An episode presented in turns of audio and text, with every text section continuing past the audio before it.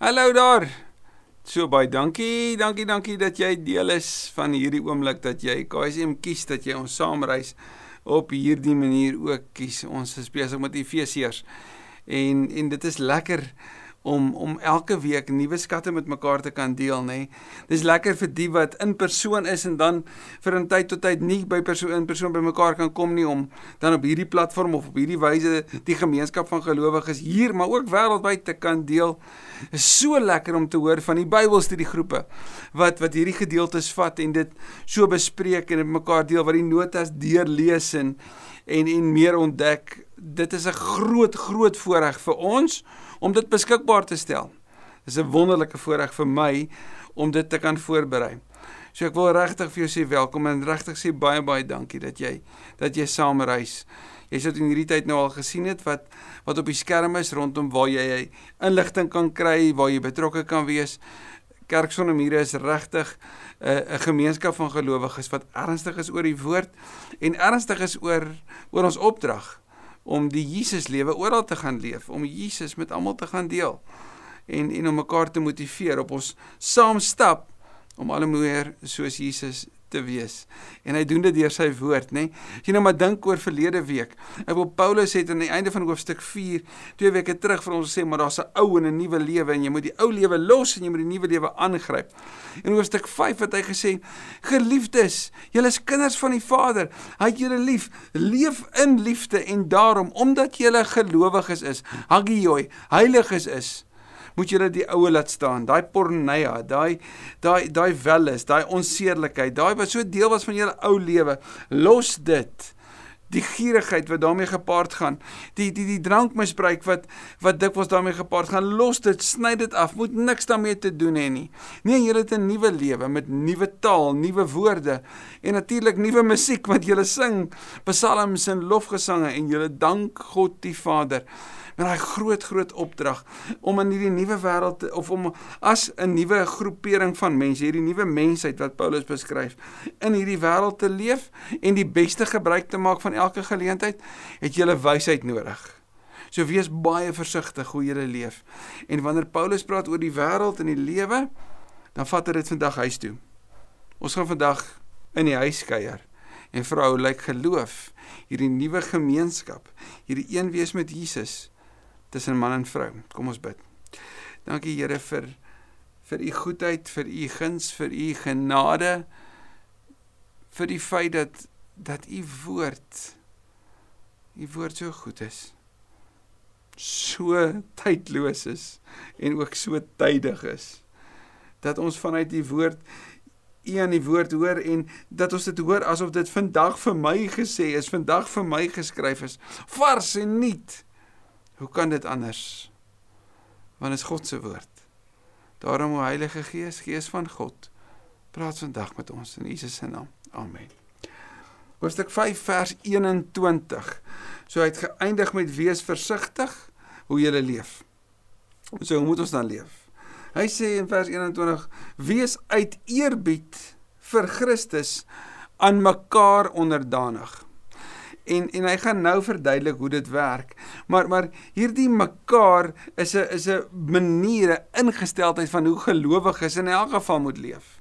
Daar's soveel kere wat ons dit sien in die Nuwe Testament en dit begin by die voorbeeld van Jesus. Hoofstuk 13 vers 14 van Johannes sê hy is die Here en die leermeester, maar hy het voete gewas. So hy het 'n doelos geword, 'n doeloi, iemand wat wat van onder af kom en ander dien. Die doelos. En ons moet doellooi wees, dienaars van mekaar. En hoe doen ons dit? Wel, ons doen dit deur die Griekse woord hypotasso. Nou as jy nog nie gehoor het van hypotasso nie en jy wil dit graag onthou, dink aan 'n seekoei wat 'n tas dra. En hoe doen jy dit? Wel, as 'n seekoei 'n tas moet dra, dan moet hy afbuk. En dis die gesindheid, die ingesteldheid. Maar Paulus sê die rede, die motivering, die beweegrede van hoekom ek onderdanig wil wees of moet wees is omdat ek Christus wil eer. So onderdanigheid en diensbaarheid is natuurlik 'n direkte gevolg van my eerbied vir Christus, so my worship aan die Here, my eer aan hom kry neerslag in die manier hoe ek by die huis leef.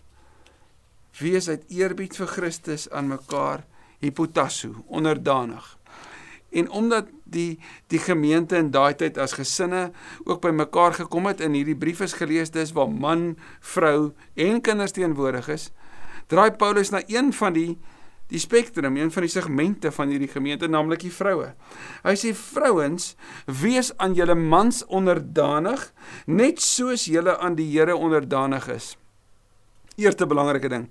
Onderdanigheid beteken nie ongelykheid nie. Want daar in Genesis 1 vers 26 tot 28 sien ons die Here het vir Adam iemand gemaak wat hom kan help, sy gelyke. Nou hoe da hoe sou sy hom help? Wel, ons weet dat Adam sou nie verstaan het wat liefde was. Sy nie 'n maatjie gekry het nie. Iemand wat ook die gans ander is as hy. Wel, hy het uit stof gemaak, het uit been gemaak. Sy dink anders, sy voel anders, sy doen anders. Maar saam met haar kon hy ontdek wat liefde is, want liefde gebeur in verhouding. En omdat hulle saam liefde kon ontdek, kon hulle iets verstaan van wie God is. Want God is liefde en God is 'n God van verhouding. So hierdie het nie te doen met ongelykheid nie. Waaroor gaan dit?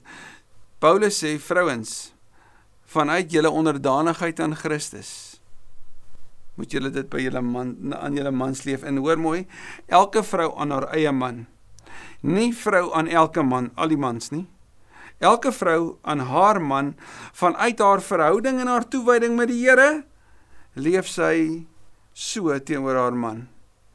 Om onderdanig te wees soos teenoor Christus so teenoor my man. So die toets vir my onderdanigheid aan Christus word sigbaar en ek hipotasso met ander woorde ek die ander een eerste stel hierdie hipotasso is verseker om ander eerste te stel maar dit het ook te doen met soos om 'n bevelvoerder te volg so as die bevelvoerder sou sê links op dan sê die peloton 1 2 3 1 nee want die bevelvoerder het gepraat. Daar's nie 'n wonder of 'n dink nie. Dis 'n ek volg jou. Dis daai onderdanigheid. Dis daai ek submit sê die Engelse.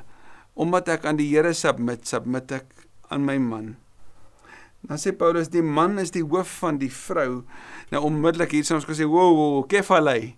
Nee, die hoof, die is hy die baas, is hy die een wat ek het gepraat. As ek en jy dink oor hoe die brein van 'n man en 'n vrou werk, kan hierdie ons dalk 'n bietjie help. Want wat doen die wat doen die hoof? Hy sien deur ver. Praat jy met mans, dan is dit presies waarmee hulle koppe besig is die hele liewe tyd. Wat van dan? Wat van as? Hoe lyk dit daar? Waar's die gevaar deur ver? Is van waarheen gaan ons? Waarmee ry ons? En hoe vinnig gaan ons daar uitkom? En 'n vrou Sy's altyd so betrokke met wat hier moet gebeur. Elke dag wat alles moet gebeur, hoe ons alles bymekaar gaan hou. Dis dis soos as jy so vra, hoor jy, julle gaan op vakansie, wat nou sal 'n vrou sê? Wat pak ons in? Wat gaan ons eet? En by hoeveel padstalle kan ons stop? Want ons is op 'n reis, nê? Nee? Ons is hier binne. Kan jy sien hoe dit presies bymekaar pas? En dit het nie te doen met status nie, maar met rolle. En wat is die man se rol? Wel jy's die hoof, soos Christus die hoof is van die kerk. Hoor jy mooi? So voordat jy dink, "O, oh, ek is die kefalei," nee wag. Jy is die hoof soos Christus. En onmiddellik is dit die standaard van jou hoofskap. Dan sal natuurlik vir mekaar kan vra, hoe lyk daai hoofskap? Wel, kom ons kyk na die lewe van Jesus. Het hy gesê, "Was my kos. Doen dit, doen dat. Ons gaan môre so, maak klaar." Nee. Nee, dis nie die hoof wat Jesus was nie, nê. Nee. En dan sê hy Jesus is nie net die hoof van die kerk nie. Jesus is ook die verlosser van die liggaam, sy kerk. Jesus herdefinieer hoofskap en sê maar hy's die een wat hulle vrymaak. En hy noem sy liggaam die kerk. Soos die kerk vers 24 aan Christus onderdanig is, moet die vrouens in alles aan hul mans onderdanig wees soos die kerk die voorbeeld weet die voorbeeld van onderdanigheid leef so moet die vrou ook wat deel is van die kerk by die huis dit net so naleef. Want sien ons verhouding met die Here kry neerslag in ons verhouding met mekaar by die huis. Mense kan sien hoe toegewyd ek aan die Here leef in my toewyding en my fokus op my huismense in die besonder op my huweliksmaat Mans, julle moet julle vrouens lief hê. Die Griekse woord daar is agape en ons weet almal dit is die die hoogste standaard van liefde, die weggee liefde, die onselfsugtige liefde, die glad nie oor my nie liefde. So wat kry die mans? Hulle moet hulle vrouens lief hê en teen watter standaard? Soos Christus die kerk liefgehad en sy lewe daarvoor afgelê het. Mans, julle moet sterf. Al ooit dit gehoor op 'n mannekamp? Kerel, kom gou vorentoe. Jy wat getroud is. Wil gou by jou hoor. Is jy bereid om te sterf? Hand op. Ja, is gewoonlik inspirerende, aanmoedigende woorde, nê? En ja, daar's verseker ook kampe en woorde en uitsprake waar ons dit hoor, maar ons moet dit meer vir mekaar sê. Wanneer laas het jy gesterf vir jou gesin? Wanneer laas jy gesterf vir jou vrou? Wanneer laas het jy teruggetree sodat wat sy begeer gehoor kan word? Sodat haar behoeftes en haar emosies ge, geverifieer en gewaardeer kan word. Wanneer laas het jy haar liefgehad soos Jesus die kerk liefgehad het? En nou moet ons mooi sien as die Here sê Jesus die bruidegom, die kerk die bruid, dan kom die Bybel en dit plaas 'n baie hoër waardering op wat die huwelik is. In 'n wêreld waarin die huwelik amper gedegradeer word na net nog 'n verhouding. Dit amper sinoniem werk met saam bly en enige ander tipe verhouding. Kom sê die Bybel nee. Maar sien die Bybel het 'n teologie oor die huwelik. Die Bybel sê die huwelik is 'n afbeelding van Christus in die kerk, van die bruidegom en sy bruid. Daarom sal Hebreërs skryf dan hoofstuk 13 dat die huwelik moet deur almal eerbaar gehou word. Sien die huwelik is 'n sleutel in die samelewing wat regtig gerespekteer, gewaardeer, opgepas, voorgebid moet word want die huwelik is vir gelowiges 'n afbeelding van die kerk in die kleinste van Jesus en sy bruid. Vers 26 Jesus het het hierdie kerk wat wat hy in vers 25 vir ons sê hy het sy lewe daarvoor afgelê. Hoekom het hy dit gedoen? Sê hy in vers 26 hy het dit gedoen om die kerk aan God te wy nadat hy dit met die water en die woord gereinig het sodat hy die kerk in volle heerlikheid by hom kan neem sonder vlek of rimpel of iets dergeliks, heilig en onberispelik. In die tyd van die Bybel was 'n bruid wanneer 'n bruidegom haar gevra het om te trou, was hy vir 'n jaar lank eenkant gesit. Paulus gebruik die woord mos hagioi, eenkant gesit. Sy's eenkant gesit vir haar bruidegom. En daar het sy haarself voorberei om as bruid saam met hom te leef sy en haar haar haar ma en en haar familie het dan vir 'n jaar lank met die hand voorberei natuurlik vir die brui, bruilof ook. Hulle kon nie een of ander uh, weet 'n huweliks um, hulp intrek, een van 'n wedding coordinator nie. Hulle hulle moes dit self doen en self met die hand doen. Maar in daai tyd het sy geleer na 'n tyd van afsondering van wat dit beteken om haar mansin te wees om toegewyd aan 'n man te leef. Want almal sou haar beskryf as daai is is 'n Sari, dis Johan se vrou. Hulle is in 'n verhouding. Verstaan? Daai daai daai verhouding, daai dis hoe dit werk want hulle is aan mekaar gebind om dit te verstaan, dit te begryp. Jesus sê, hoe het hy die kerk aan God gewy, daai hagioi, want dan bring jy hierdie hierdie hierdie kerk wat heilig is, wat eenkant gesit is, wat voorberei is. Hoe bring jy haar dan na die bruidegom toe sodat sy gewy kan wees? Hoe het jy haar voorberei? Jesus sê deur twee goed, deur water en woord. Water die afwas, die skoon was. Vir gelowiges natuurlik die die wonderlike van die doop. Die herinnering dat God het my afgewas. God het my skoon gewas. Jesus het het my nuut gemaak maar twee die woord na binne. So aan die een kant na buite, maar aan die ander kant na binne. Die woord wat my na binne reinig, wat my al hoe meer leer van wie Jesus is, sodat ek al hoe meer soos hy kan leef. En hoe word sy dan gebring? Sy word na die bruilof toe gebring en ek bedoel die Bybel begin met 'n troue en die slottoneel van die Bybel is 'n troue. Die bruid wat gereed is vir haar bruidegom en hoe verskyn sy voor hom? Wat is die prentjie daarvan? Heilig en onberispelik sonder vlek of iets dergeliks. Die bruidskleed skitterend wit gereed heilig vir haar heilige bruidegom. Die mans behoort hulle vrouens so lief te hê soos hulle eie liggame. Nou as ons mooi kyk na waar wanneer beskryf Paulus? Sê Paulus dis jy moet hulle lief hê so wat jy vir jouself liefhet moet jy hulle lief hê asof hulle jy is Daar's waarskynlik vir beide goeie argumente.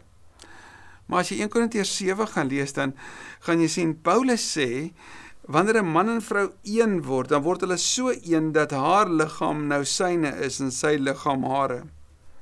sien, hy moet haar lief hê want sy is nou hy, want twee het een geword. 'n Man moet sy vrou so lief hê. Sy moet haar lief hê met 'n deernis en 'n omgee, met vergifnis en sagtheid. Daar staan in die skrif en nou haal Paulus dieselfde aan wat Jesus aangehaal het. En as die skrif dan praat oor die autoriteit van die skrif ook in ons lewe. Daarom sal 'n man sy vader en moeder verlaat, dis agterlaat, dis afsny en saam met sy vrou lewe. Hy sal haar aankleef. Hulle kry nou 'n nuwe naam, 'n nuwe eenheid. En hulle twee sal een wees. En hier's die mooi. Jesus in die kerk, hy word die hoof, die kerk is die liggaam man en die vrou. Hy is die hoof en sy sy saam met hom in hierdie heilige eenheid van liefde en respek. Wat gebeur binne in die kerk? Hoe moet ons hierdie eenheid met mekaar deel? Liefde en respek. sien die afbeelding van die kerk in Christus word sigbaar in die verhouding van man en vrou, eenheid, een liggaam, liefde en respek waarin die man sy lewe gee. En die vrou verstaan dat haar deelname is om respek te bring soos wat sy haarself vir Christus gee haarself vir haar man gee. Wie sy vrou liefhet het homself lief. Hoekom? Want hulle is een. Want niemand het nog ooit sy eie liggaam gehaat nie. Inteendeel hy voed en versorg dit. Die woord versorg daar het te doen met warm maak soos in koue wintersaande soos Christus met die kerk doen so die man volg die voorbeeld van Christus Soos Jesus gedoen het, so dan ek ook. Omdat die kerk Jesus se liggaam is waarvan ons lede is. So die eenheid tussen Christus en die kerk word sigbaar in die eenheid tussen man en vrou. En dan sê Paulus, hy sê dis 'n diep geheimnis opgesluit en ek pas dit toe op Christus in die kerk. Dis hierdie eenheid, hierdie nabyheid, hierdie wie Jesus as bruidegom is en wie die kerk as die bruid is. Maar dan draai hy en hy sê, maar dit is ook op julle van toepassing. Elkeen moet sy vrou lief hê soos hy homself liefhet en 'n vrou moet aan haar man eerbied betoon. Hoekom sê Paulus nie vir die mans hulle moet hulle vrouens eer nie? En hoekom sê Paulus nie vir die vrouens julle moet julle mans lief hê nie? As jy na 'n vrou kyk, is haar liefdestaal liefde. Dis wat sy praat. Sy praat emosie en warmte. Dis haar begeerte om sy haar man se hart te hoor, om naby hom te wees. Sy wil weet waarmee worstel hy, wat dink hy, hoe voel hy? Wat gaan aan daar binne? En 'n man, vir hom gaan alles oor respek. Dis die taal wat mans praat. Dis die taal van vergelyking. Wie se span is die beste? Wie se produk is die beste? Wie verstaan wat mans praat met mekaar die taal van respek om eers iets te wys van ek tel. Ek respekteer jou. Jy's deel van hierdie groep. Ek erken jou. En man sal hulle beste doen, hulle alles gee net om eers die respek van hulle genote, hulle tydgenote te verdien. So wanneer 'n vrou dus afpraat by die huis op haar man, vir hom sê, "Wanneer gaan jy die kar intrek en wanneer gaan jy nou dit doen en wanneer gaan jy dat doen?" dan breek sy dit af. Ja, man sê 'n ego. Maar wat 'n man nodig het is 'n vrou wat vir hom sê, "Ek glo in jou. Ek is trots op jou. Ek sien raak wat jy doen. Jy's 'n merkwaardige man.